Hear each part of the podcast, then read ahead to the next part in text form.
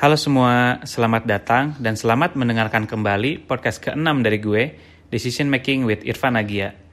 Thank you buat teman-teman yang udah dengerin podcast episode-episode sebelumnya. Dari 5 episode pertama podcast ini, uh, gue cek udah lebih dari 2.500 kali didengar. Nah, buat gue personally, that's an awesome milestone and I'm very grateful for that.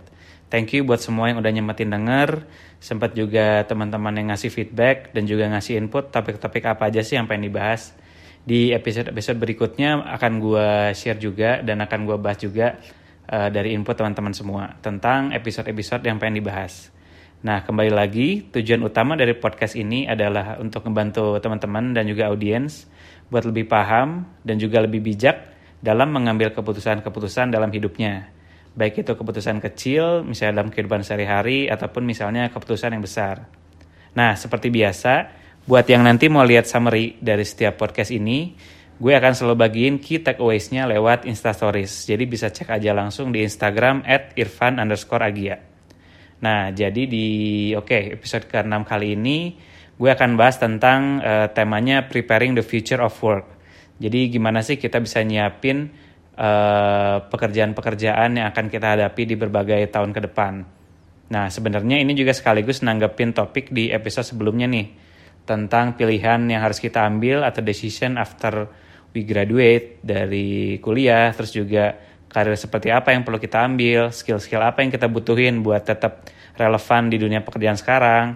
Nah itu teman-teman juga kalau mau cek bisa di episode sebelumnya, di episode kelima.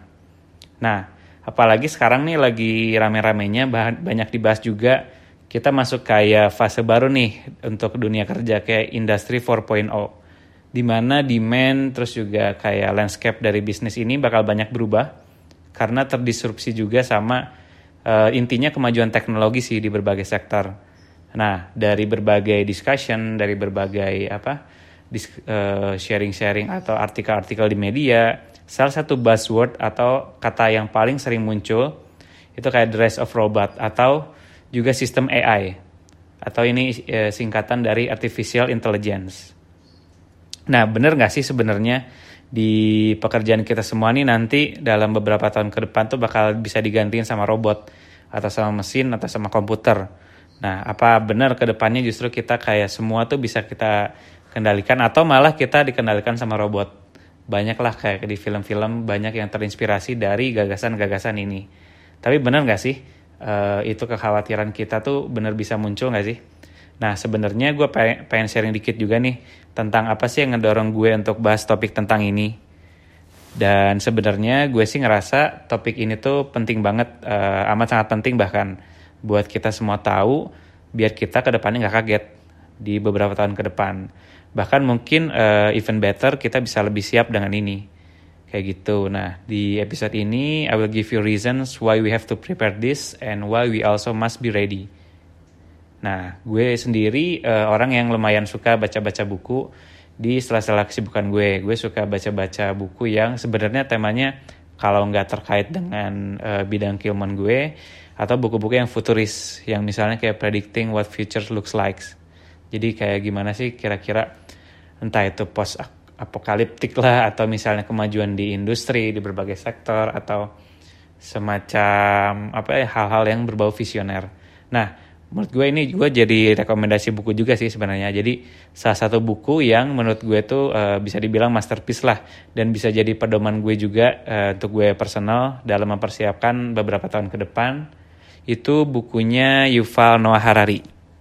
Nah Yuval Noah Harari ini dia tuh uh, seorang filsuf ya seorang filsuf. Nah dia tuh bila uh, bikin buku judulnya 21 Lessons for the 21st Century jadi gue ulangin judul bukunya 21 Lessons for the 21st Century. Ini dia kalau teman-teman ke toko-toko buku dia uh, selalu ada di jajaran kayak bestseller gitu.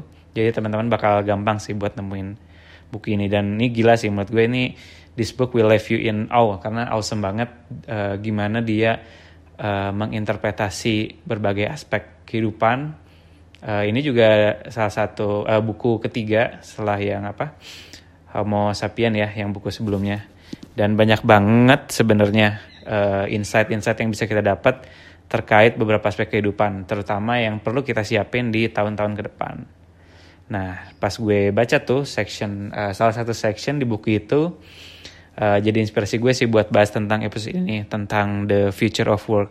Dan kalau gue sendiri sih bacanya cukup speechless juga ya. Jadi itu campur aduk banget pas gue baca uh, section itu. Jadi kayak antara kagum, campur takut juga dan campur sebenarnya semangat juga sih sebenarnya buat preparing the future of work. Jadi section ini judulnya cukup provokatif menurut gue. Jadi judulnya tuh When You Grow Up You Might Not Have a Job. Wah ngeri ya. Jadi ketika lo udah dewasa nanti atau beberapa tahun ke depan kayak mungkin lo nggak akan punya pekerjaan. Gue kayak bacanya ah masa sih. Tapi apa bener se oversimplified ini kah? Dan sebenarnya pas gue baca lebih dalam di situ dia mulai dengan hal yang cukup ringan sebenarnya. Jadi e, ngarahin audiens buat bisa tahu perspektif dia secara general jadi di situ dijelasin sama dia perbedaan karakteristik kita sebagai human atau manusia dibandingkan dengan mesin atau nanti mungkin kita bisa istilahnya komputer atau sistem or robot. Nah, jadi manusia itu punya dua tipe ability atau kemampuan. Nah, yaitu kemampuan fisik, physical abilities, dan juga kemampuan kognitif yang didasari sama uh, brain kita.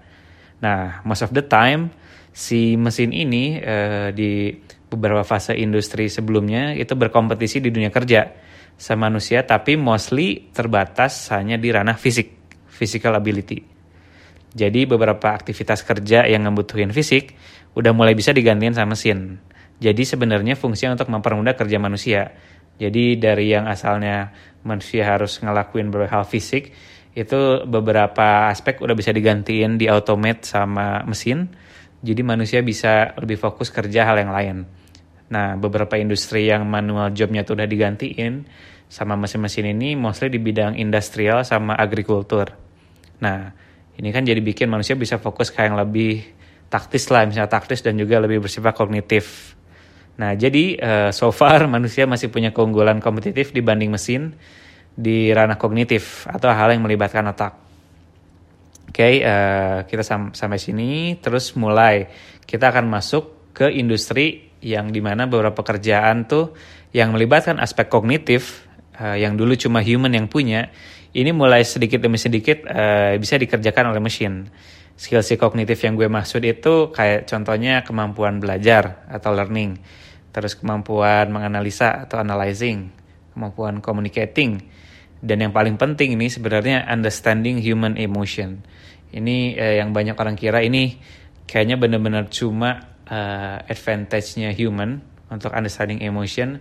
Tapi kalau kata si Yuval nih menurut dia ini akan bisa mulai digantikan juga oleh mesin. Mesin akan mulai mempelajari bagaimana how we as human understand each other, especially about emotion. Nah, si perkembangan teknologi mesin ini sendiri itu udah mulai ngarah ke aspek uh, mencoba memahami emotion, tapi lewat mekanisme biochemical yang mendasari human emotion. Jadi uh, hal apa saja yang terjadi di dalam tubuh kita ketika kita merasakan emotion gitu. Jadi biochemical ini mempengaruhi human emotion, mempengaruhi desire dan juga choices. Nah, komputer atau mesin yang uh, bisa punya pemahaman tersebut tentang bagaimana membaca pola, membaca uh, aktivitas biochemical itu punya potensi buat menganalisa perilaku manusia dan juga uh, more further away memprediksi decision makingnya manusia. Nah, ini kalau dalam beberapa dekade terakhir ini, kalau kita lihat uh, look back into academical research atau juga dari tren-tren riset, ini bidang-bidang keilmuan dari uh, segi neuroscience dan juga behavior science, which is kerjaan gue sekarang nih, ini mulai menghasilkan insight-insight atau pemahaman yang mendalam tentang perilaku manusia dan bagaimana manusia make a decision. Nah, dari kedua keilmuan ini tuh muncul nih, kita punya gambaran lebih dalam tentang gimana sih human itu uh, berperilaku. Nah, riset-riset kalau yang gue baca di buku Yuval Noah Harari ini, dia tuh ngasih insight kalau keputusan-keputusan uh, yang kita ambil atau decision making manusia itu sebenarnya ada hasil dari miliaran neuron. Itu uh, hal yang dalam tubuh kita tuh neuron miliaran neuron dalam otak kita yang mengkalkulasi berbagai kemungkinan yang ada dalam cuma sepersekian detik. Jadi intinya itu semua di kita itu hasil sebenarnya aktivitas dari neuron-neuron kita. Nah, menurut si Yuval ini sendiri, human intuition Jadi kayak kalau kita punya uh, ngerasa human tuh kita punya intuisi, punya feeling, itu sebenarnya uh, bukan hal yang sesuatu yang magis atau yang kayak nggak bisa dijelaskan.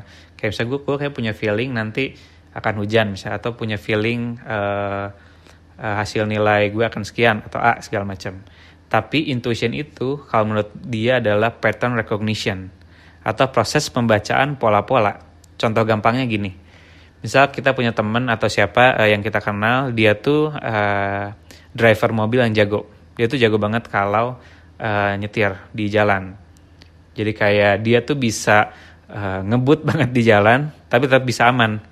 Jadi tanpa nabrak atau tanpa nyenggol apa pun, jadi kayak dia tahu kapan harus pindah ke jalur kanan, kapan pindah jalur ke kiri, kalau macet mending ngambil jalur mana atau jalan mana segala macam. Misalnya dia suka bilang ya feeling gue kayaknya gue nggak usah ngikutin Google Map deh. Jalan ini uh, menurut gue kosong bla bla bla feeling gue bagus. Nah sebenarnya kalau menurut Yuval ini mereka-mereka ini tuh nggak punya intuisi yang magical tentang lalu lintas atau tentang uh, gimana cara mereka berkendara. Jadi kayak kok dia bisa tahu sih kapan timing orang mau nyebrang atau berhenti segala macam. Sebenarnya yang terjadi dalam otak mereka itu adalah pembacaan pola-pola yang udah sering muncul berdasarkan pengalaman mereka, berdasarkan memori di storage mereka. Nah, si neuron-neuron tadi yang miliaran itu di dalam otak mereka tuh merekam apa aja yang dialami seberapa selama beberapa bulan menyetir, pola-pola pedestrian atau pejalan kaki, timing lampu merah, e, nyebrang gimana segala macam. Nah, dalam hitungan sepersekian detik aja. Jadi intinya intuisi itu menurut Viva adalah proses pembacaan pola. Intinya otak kita tuh cuma baca pola-pola yang ada dalam memori kita. Nah, sialnya nih bagi human atau kita nih sebagai manusia, si algoritma-algoritma biochemical yang ada dalam otak kita itu nggak selalu perfect. Dan most of the time kita tuh bergantung sama uh, shortcut atau heuristik. Jadi kita nggak mengkalkulasi semua pola, semua kemungkinan sampai kita dapat decision making.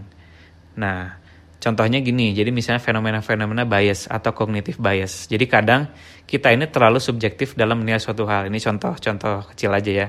Contohnya ada bias namanya confirmation bias jadi uh, kita, uh, gue pernah bahas ini juga di episode sebelumnya tentang politik. Jadi kita tuh hanya menerima artikel-artikel atau berita-berita yang memberikan informasi yang mendukung opini kita sebelumnya. Kita cari info-info yang mengkonfirmasi apa yang kita sudah punya sebelumnya. Nah itu sebenarnya bias karena harusnya kita tuh mengkalkulasi semua kemungkinan yang ada. Tapi kita tidak melakukan itu, kita ambil shortcut, oke okay, gue hanya pilih cherry picking info-info artikel yang mendukung gue aja. Nah itu kan sebenarnya nggak nggak bagus juga. Nah that's why we as humans sometimes make stupid mistakes. Nah celah ini si bias-bias ini dapat digunakan sama mesin yang punya kemampuan lebih baik dalam membaca pola-pola dan penilaian ini bisa lebih objektif gitu. Nah gimana kalau misalnya pekerjaan-pekerjaan yang terkena resiko dari subjektivitas manusia ini bisa digantikan sama AI yang lebih objektif Nah, sebelum kita bahas lebih lanjut, kita coba misalnya pelajarin dulu ya si definisi apa sih sebenarnya AI ini atau artificial intelligence ini. Karena sebenarnya semakin kita ngerti dasar dari AI ini, semakin kita yakin apakah nanti pekerjaan-pekerjaan kita nih yang bakal kita ambil atau kita jalanin sekarang beresiko atau dalam bahaya digantiin robot atau enggak. Nah, gue juga sempat uh, share polling uh, question di uh, IG story gue dan mostly memang jawabnya kira-kira yang mereka takut yang uh, audiens di Instagram gue takutkan uh, jenis pekerjaan apa sih yang bakal bisa menunjukkan itu rata-rata yang technical yang bentuknya services dan misalnya yang benar-benar gak membutuhkan kompleks decision making kayak gitu. Nah, apakah apakah benar hanya itu saja yang bisa digantikan? Nah, kita coba definisi dari AI itu sendiri ya. Jadi AI ini atau artificial intelligence itu adalah cabang dari computer science atau keilmuan komputer yang membangun sebuah sistem uh, fungsinya untuk menunjukkan intelligence atau kepintaran. Nah, yang perlu kita pahami ini dari sumber yang gue tahu, itu AI itu ada dua tipe. Tipe pertama itu artificial general intelligence, yaitu komputer atau sistem yang mampu melakukan semua hal yang manusia bisa lakukan. Jadi in general uh, sistem ini AI ini dia bisa melakukan semua yang uh, human lakukan. Nah, tipe kedua ini artificial namanya artificial narrow intelligence. Jadi komputer atau sistem yang mampu melakukan apa yang bisa dilakukan manusia tapi dalam beberapa hal saja. Jadi konteksnya sempit gitu. Misal kayak cuma bisa learning doang atau cuma bisa communicating doang, tapi tetap masih uh, sangat impresif banget gitu. Nah, sering kali nih pas kita bahas tentang AI, si gambaran AI yang muncul di kepala kita tuh adalah tipe satu yang artificial general intelligence. Jadi sistem yang bisa melakukan semua hal yang bisa manusia lakukan. Jadi muncullah berbagai kekhawatiran kalau komputer dalam bentuk robot ini bisa melakukan yang kita lakukan, bahkan even better. Nah, akan banyak banget kerjaan kita yang diambil alih. Padahal sebenarnya AI yang sedang di, banyak develop itu AI yang tipe 2, which is narrow. Jadi hanya bagian aktivitas tertentu saja. Tapi memang gak menutup kemungkinan uh, interconnected dari AI ini akan membuat suatu sistem yang besar yang bisa membuat uh, sistem yang bisa melakukan most of humans can do. Nah, dari teknologi AI ini sendiri akan ada tiga impact sebenarnya. Ketika AI ini udah banyak diimplementasikan. Yang pertama, in some cases, yaitu tadi AI itu bakal bisa digunakan untuk completely eliminate certain jobs. Gitu. Jadi akan ada pekerjaan-pekerjaan yang akan dieliminasi secara massal AI. Karena business wise, uh, secara bisnis mereka akan lebih diuntungkan dan juga lebih efisien jika menggunakan uh, teknologi ini dibandingkan harus menggunakan human resources dan juga maintenance humannya. Nah, memang mostly adalah pekerjaan-pekerjaan yang technical atau misalnya service misal kayak uh, kasir misalnya atau hal yang sebenarnya uh, administratif kayak gitu.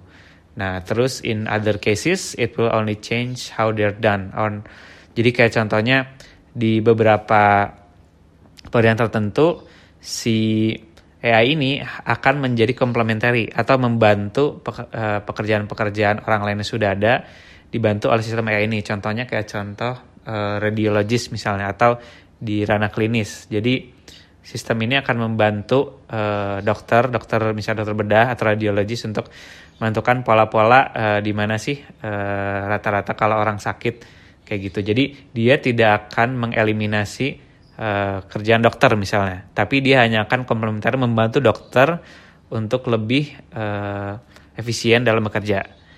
Nah, in other cases ini dari sisi yang optimisnya, AI ini akan memunculkan pekerjaan-pekerjaan yang baru, including uh, beberapa pekerjaan yang sampai sekarang mungkin belum kita bisa imagine. Jadi the possibilities are endless. Jadi ada tiga impact kita tadi. Yang pertama dia bisa mengeliminasi pekerjaan Impact yang kedua akan membantu atau mengubah bagaimana seseorang bekerja. Dan yang ketiga itu membuka ruang pekerjaan, bidang pekerjaan yang baru yang terkait dengan AI. Nah, dari ya kalau gue cek ada uh, report dari PwC di tahun 2017 itu uh, dia melakukan riset dan dapat uh, insight atau result bahwa 30% dari U, uh, jobs di US itu uh, punya high risk of being automated di dalam yang tahun ke depan. Jadi 38% dari jumlah pekerjaan di US itu punya risiko besar akan bisa diotomasi oleh AI, which is uh, jadi impact pertama yaitu bisa dieliminate. Terus juga dari riset lain, dari McKinsey juga Global Institute dan juga di Obama White House itu uh, mereka believe kalau 60% dari semua pekerjaan uh, punya uh, at least 30% dari aktivitasnya itu akan technically bisa diotomasi gitu. Dan kalau dari tadi PwC 38%, ini kalau dari McKinsey Global Institute dia lebih berisiko lagi, katanya 47% US jobs itu uh, punya risiko besar digantikan oleh teknologi AI dalam waktu 10 sampai 20 tahun ke depan. Nah, pertanyaan besarnya kan jadi gini ya sebenarnya, seberapa besar sih potensi dari AI ini sehingga banyak banget studi atau riset yang memprediksi hal tersebut. Nah, one of the major promise atau hal yang besar yang dijanjikan oleh pengembangan AI ini adalah AI ini dapat membebaskan orang atau freeing people from mindless tasks gitu. Jadi kayak contoh, uh, misal gue sebagai researcher sendiri, uh, salah satu pekerjaan gue adalah misalnya uh, merapikan data atau cleaning data, misalnya di Excel atau ap apa pun atau whatever atau gue punya banyak banget bank data yang harus gue analisa. Nah dengan AI ini dia bisa membantu gue membebaskan diri gue dari mindless task atau pekerjaan repetitif berulang yang technical banget. So gue sebagai researcher can do more meaningful work. Gitu. Itu adalah uh, major promise dari AI. gitu. Nah, AI ini dia bisa belajar dari uh, volume informasi yang jauh lebih besar dari kita sebagai manusia bisa proses gitu. Jadi kalau misalnya gue cuma bisa proses dalam sehari itu cuma bisa ngafalin 10 lembar rumus misalnya. Nah AI ini dia bisa berpuluh bahkan beratus kali lipat untuk uh, storing information dari uh, apa studi-studi riset tersebut. Nah jadi software AI ini bisa memberikan ability lebih untuk human untuk solving complex problem. Nah, kalau dari sisi bisnis sendiri, si company ini akan punya financial benefit yang uh, tinggi banget ketika mereka bisa mengautomasi atau membuat beberapa pekerjaan tuh jadi otomatis atau di digantikan oleh AI kayak gitu. Jadi sebab lebih quick, lebih cep, uh, lebih cepat tentunya dan juga lebih efisien kayak gitu. Nah, kalau ini contoh yang menarik sebenarnya kalau gue cek tuh di driving industry. Jadi di dunia uh, apa transportasi. Nah, kemarin-kemarin gue lihat uh, video dari Elon Musk. Dia katanya di next year dia akan uh, releasing kalau ini kalau gue nggak salah sekitar satu jutaan uh, robot taksi, taksi robot. Jadi benar-benar dari Teslanya mobilnya itu nggak ada supir, ada satu jutaan mobil yang nanti bisa kita pesan. Jadi kita pes, kita tuh bukan pesan uh, mobil pesan supir, kita pesan mobilnya doang buat jemput kita. Kayak gitu. Bayangin ada satu juta mobil robot dan dia sangat optimis next year. Bayangkan tahun depan itu Tesla udah launching taksi robot. Nah, dia juga bilang kalau uh, konsumen-konsumen dia, orang-orang yang punya mobil Tesla, itu dia bisa sign up untuk uh, ketika mobilnya nggak dipakai dia bisa jadi taksi robot jadi benar-benar uh, win-win solution. Jadi kalau mobil kita punya Tesla gitu parkir misalnya seharian atau berapa jam daripada nggak kepake mending dipakai buat uh, narik tuh. Narik uh, buat uh, apa konsumen-konsumennya. Kayak gitu. Dan itu di depan mata kita banget tahun depan. Nah si AI ini kemungkinan dari sistem-sistem ini tuh bisa banget mulai uh, memberikan resiko kepada driver-driver untuk diotomasi. Nah bahkan uh, riset dari Boston Consulting Group dia predik self-driving car atau mobil-mobil yang gak ada uh, supirnya itu bisa bikin sekitar 42 uh, miliar dolar market di tahun 2025. Bayangin udah ada ekspektasi market sebesar itu dan si apa lembaga riset Obama White House Project itu dia uh, projected sekitar 1,4 juta uh, job taksi bus yang terkait dengan industri uh, apa driving itu bisa threaten sama autonomous vehicle gitu dan ini hal yang sangat menjanjikan juga untuk government sebenarnya jadi peneliti-peneliti uh, mengestimasi kalau self driving car atau mobil yang driverless nggak ada supirnya ini dia bisa mereduksi traffic fatalities by 90%. Gimana logiknya? Jadi gini, kalau misalnya uh, kita selalu bandingin human dan robot, sebenarnya robot itu dia punya dua advantage yang sama sekali human gak bisa match. Ini yang agak ngeri sebenarnya, ini lanjutan dari yang gue baca di buku. Jadi ada dua aspek itu, yang pertama itu connectedness dan juga updatability. Jadi contohnya gini, misal uh, satu kota dia punya uh, sekitar uh, 10 bis, 10 taksi bis. Nah, terus misalnya government dia mau nge-update uh, regulasi.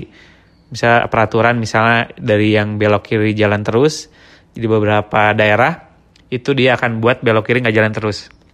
Atau apa pun yang berhubungan dengan uh, traffic change. Nah, kita nggak uh, bisa dalam waktu cepat mem mem membuat supir-supir taksi atau supir-supir uh, mobil itu update dengan uh, rules itu atau tahu nanti di area ini segala macam diupdate uh, traffic segala macam. Nah, kalau dalam uh, bisa dibandingkan dengan 10 driver driverless car, dia tinggal diupdate dalam satu-satu sistem yang terhubung, itu tinggal diupdate, semua akan terkonek, akan terupdate. Kayak gitu.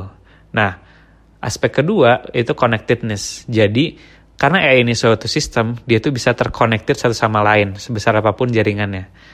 Kayak gitu. Jadi kita bisa anggap kalau misalnya ada mobil driverless car, itu jalan terus dia tuh sebenarnya tahu mobil yang lain itu sudah jalan sampai mana. Beda dengan human yang kita nggak tahu nih di blok ini blok ini ada berapa mobil ada macet segala macam ada berapa mobil yang datang sini itu siapa. Beda dengan self driving car yang secara area mereka tuh udah interconnected. Bayangkan dia bisa mereduksi uh, sel, uh, car crash atau tabrakan mobil karena dia tahu posisi-posisi mobil yang sedang jalan kayak gitu. Jadi itu dua hal yang uh, menurut menurutnya menurut si Yuval nggak bisa di match sama human adaptability sama uh, connectivity kayak gitu. Jadi bayangin kalau algoritma itu sudah perfect, sistemnya sudah benar, kita sebagai uh, government juga tentu akan memprioritaskan keselamatan penumpang dong. Nah kalau misalnya si sistem ini sudah berjalan dengan baik, ada kemungkinan besar kalau si driverless car ini akan banyak diimplementasikan di beberapa kota. Kayak gitu. Nah, terus juga aspek tentang uh, mencari dan juga gathering information. Nah, banyak banget sekarang uh, pekerjaan-pekerjaan yang uh, fokusnya untuk mencari dan gathering information itu mulai diotomasikan dengan AI.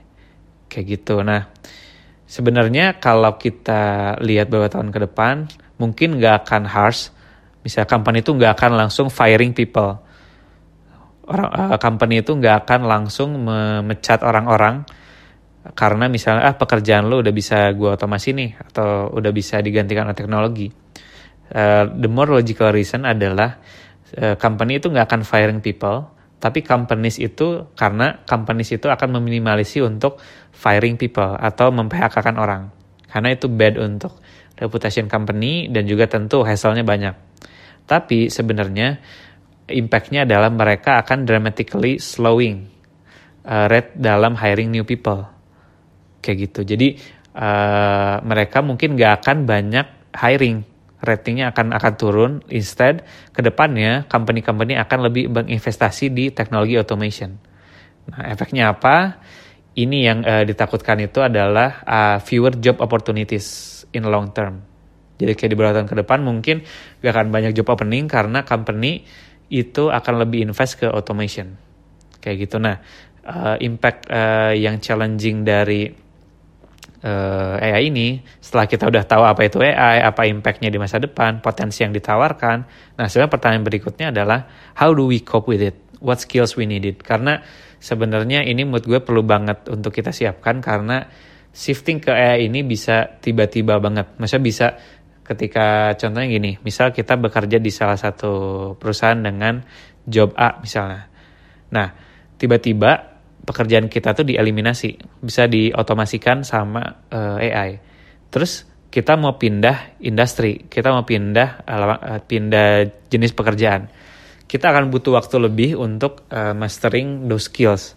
Skill-skill apa yang dibutuhkan untuk bisa uh, stay relevan di beberapa ke depan karena sebenarnya eh software ini bisa bahkan better than most human in very near future jadi kayak uh, mungkin kita beberapa pekerjaan yang melibatkan technical, kemudian juga repetitif, administratif itu bisa banget di replace uh, oleh automation. Jadi kita kalau gitu bisa fokus ke skill apa dong? Sebenarnya kita bisa preparing dari sekarang uh, dan sebenarnya ini gue mau share juga salah satu quotes atau salah satu wejangan dari World Economic Forum kalau the idea of we working in one company is gone. Working dengan salah satu skill set doang itu udah gone. Kita harus renew skill kita every five years minimal. Jadi kita harus selalu punya skill baru, uh, kita harus selalu update skill baru yang akan bisa terus relevan buat uh, near work future. Nah, ketika nanti AI itu dia bisa recognize pattern, udah bisa navigasi sistem secara otomatis, gather information lebih cepat, lebih banyak, dan bahkan moving objects. Nah, tapi uh, salah satu advantage yang masih bisa kita uh, gunakan sebagai human adalah kita, dan ini juga hasil riset dari uh, World Economic Forum juga. Pertama, think kreatif.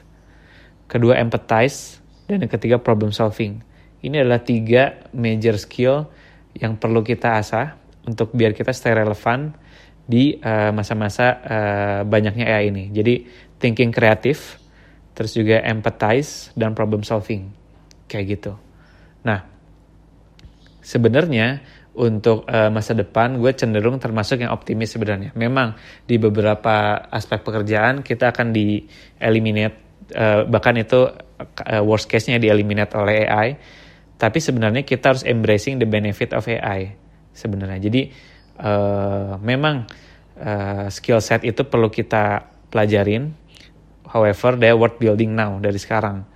Kayak gitu. Sebenarnya eh ini kalau kita lihat on the bright side dia membantu banget uh, pekerjaan kita dan uh, feeling gue ini beberapa tahun ke depan pekerjaan-pekerjaan yang akan uh, banyak banget demandnya itu adalah ini agak ironis tapi menurut gue agak-agak bener sih. Yang pertama itu adalah pekerjaan-pekerjaan yang bisa mensupport AI atau mensupport machine to understand human better. Kayak gitu. Jadi kayak tren gue tren yang gue lihat beberapa tahun ke depan adalah human and computer interaction. Jadi pekerjaan-pekerjaan yang bisa membantu komputer atau membantu mesin serving humans better, itu menurut gue akan tetap stay relevan. Kayak gitu. Dan yang kedua adalah human science. Kalau uh, untuk konteksnya untuk di bidang teknologi ya. Jadi justru uh, demand dari uh, company, ini waktu gue datang ke conference di Amsterdam, Superbrand Conference, uh, beberapa analis bilang kalau justru we we we are in need of human scientists more than ever in company. Jadi kami itu sebenarnya butuh human-human scientist kayak contohnya psychologist, terus sociologist, uh, anthropologist, bahkan uh, filsuf di dalam company. Karena mereka butuh untuk understand human better. Kayak gitu. Jadi human sciences dan juga pekerjaan-pekerjaan yang bisa mensupport teknologi atau AI dalam serving and understanding human better. Kayak gitu. Jadi menurut gue ini uh, dua dua ranah besar yang perlu kita perhatikan dan kita juga perlu minimal punya skill set di uh, kedua uh, job market tersebut.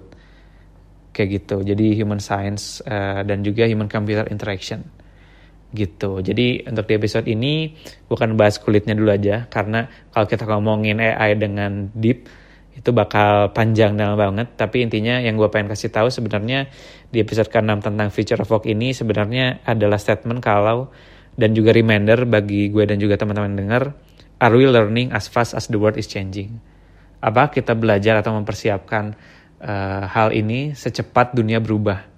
Karena teknologi itu ada hal yang pasti selalu dan pasti akan berkembang, termasuk pengembangan teknologi AI ini. Dan tentu setiap implementasi dari teknologi akan ada resistensi dan juga pasti adaptasi. Nah, pastikan kita kita semua itu jadi bagian yang adapt, yang selalu adapt dengan perubahan dan even better bahkan dapat memanfaatkan momentum ini. Kayak gitu. Jadi uh, let's embrace the the technological advan, advan, advancement dan juga kita mempersiapkan diri uh, to understand human better dan juga to cooperate with AI in serving human better. So that's the wrap up. Jadi semoga podcast ini bisa bantu semua yang dengar untuk lebih bisa paham tentang uh, the future of work. Kira-kira gambaran uh, in general akan kayak gimana. Terus juga bagaimana potensi AI ini sendiri.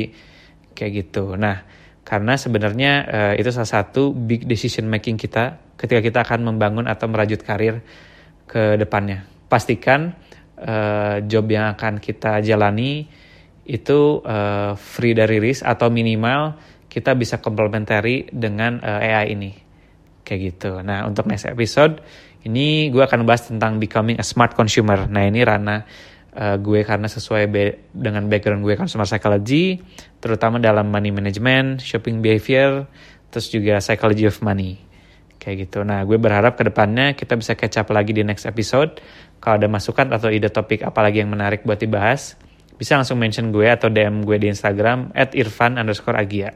Sampai jumpa di episode ke-7 Decision Making with Irfan Agia. See you in the next two weeks.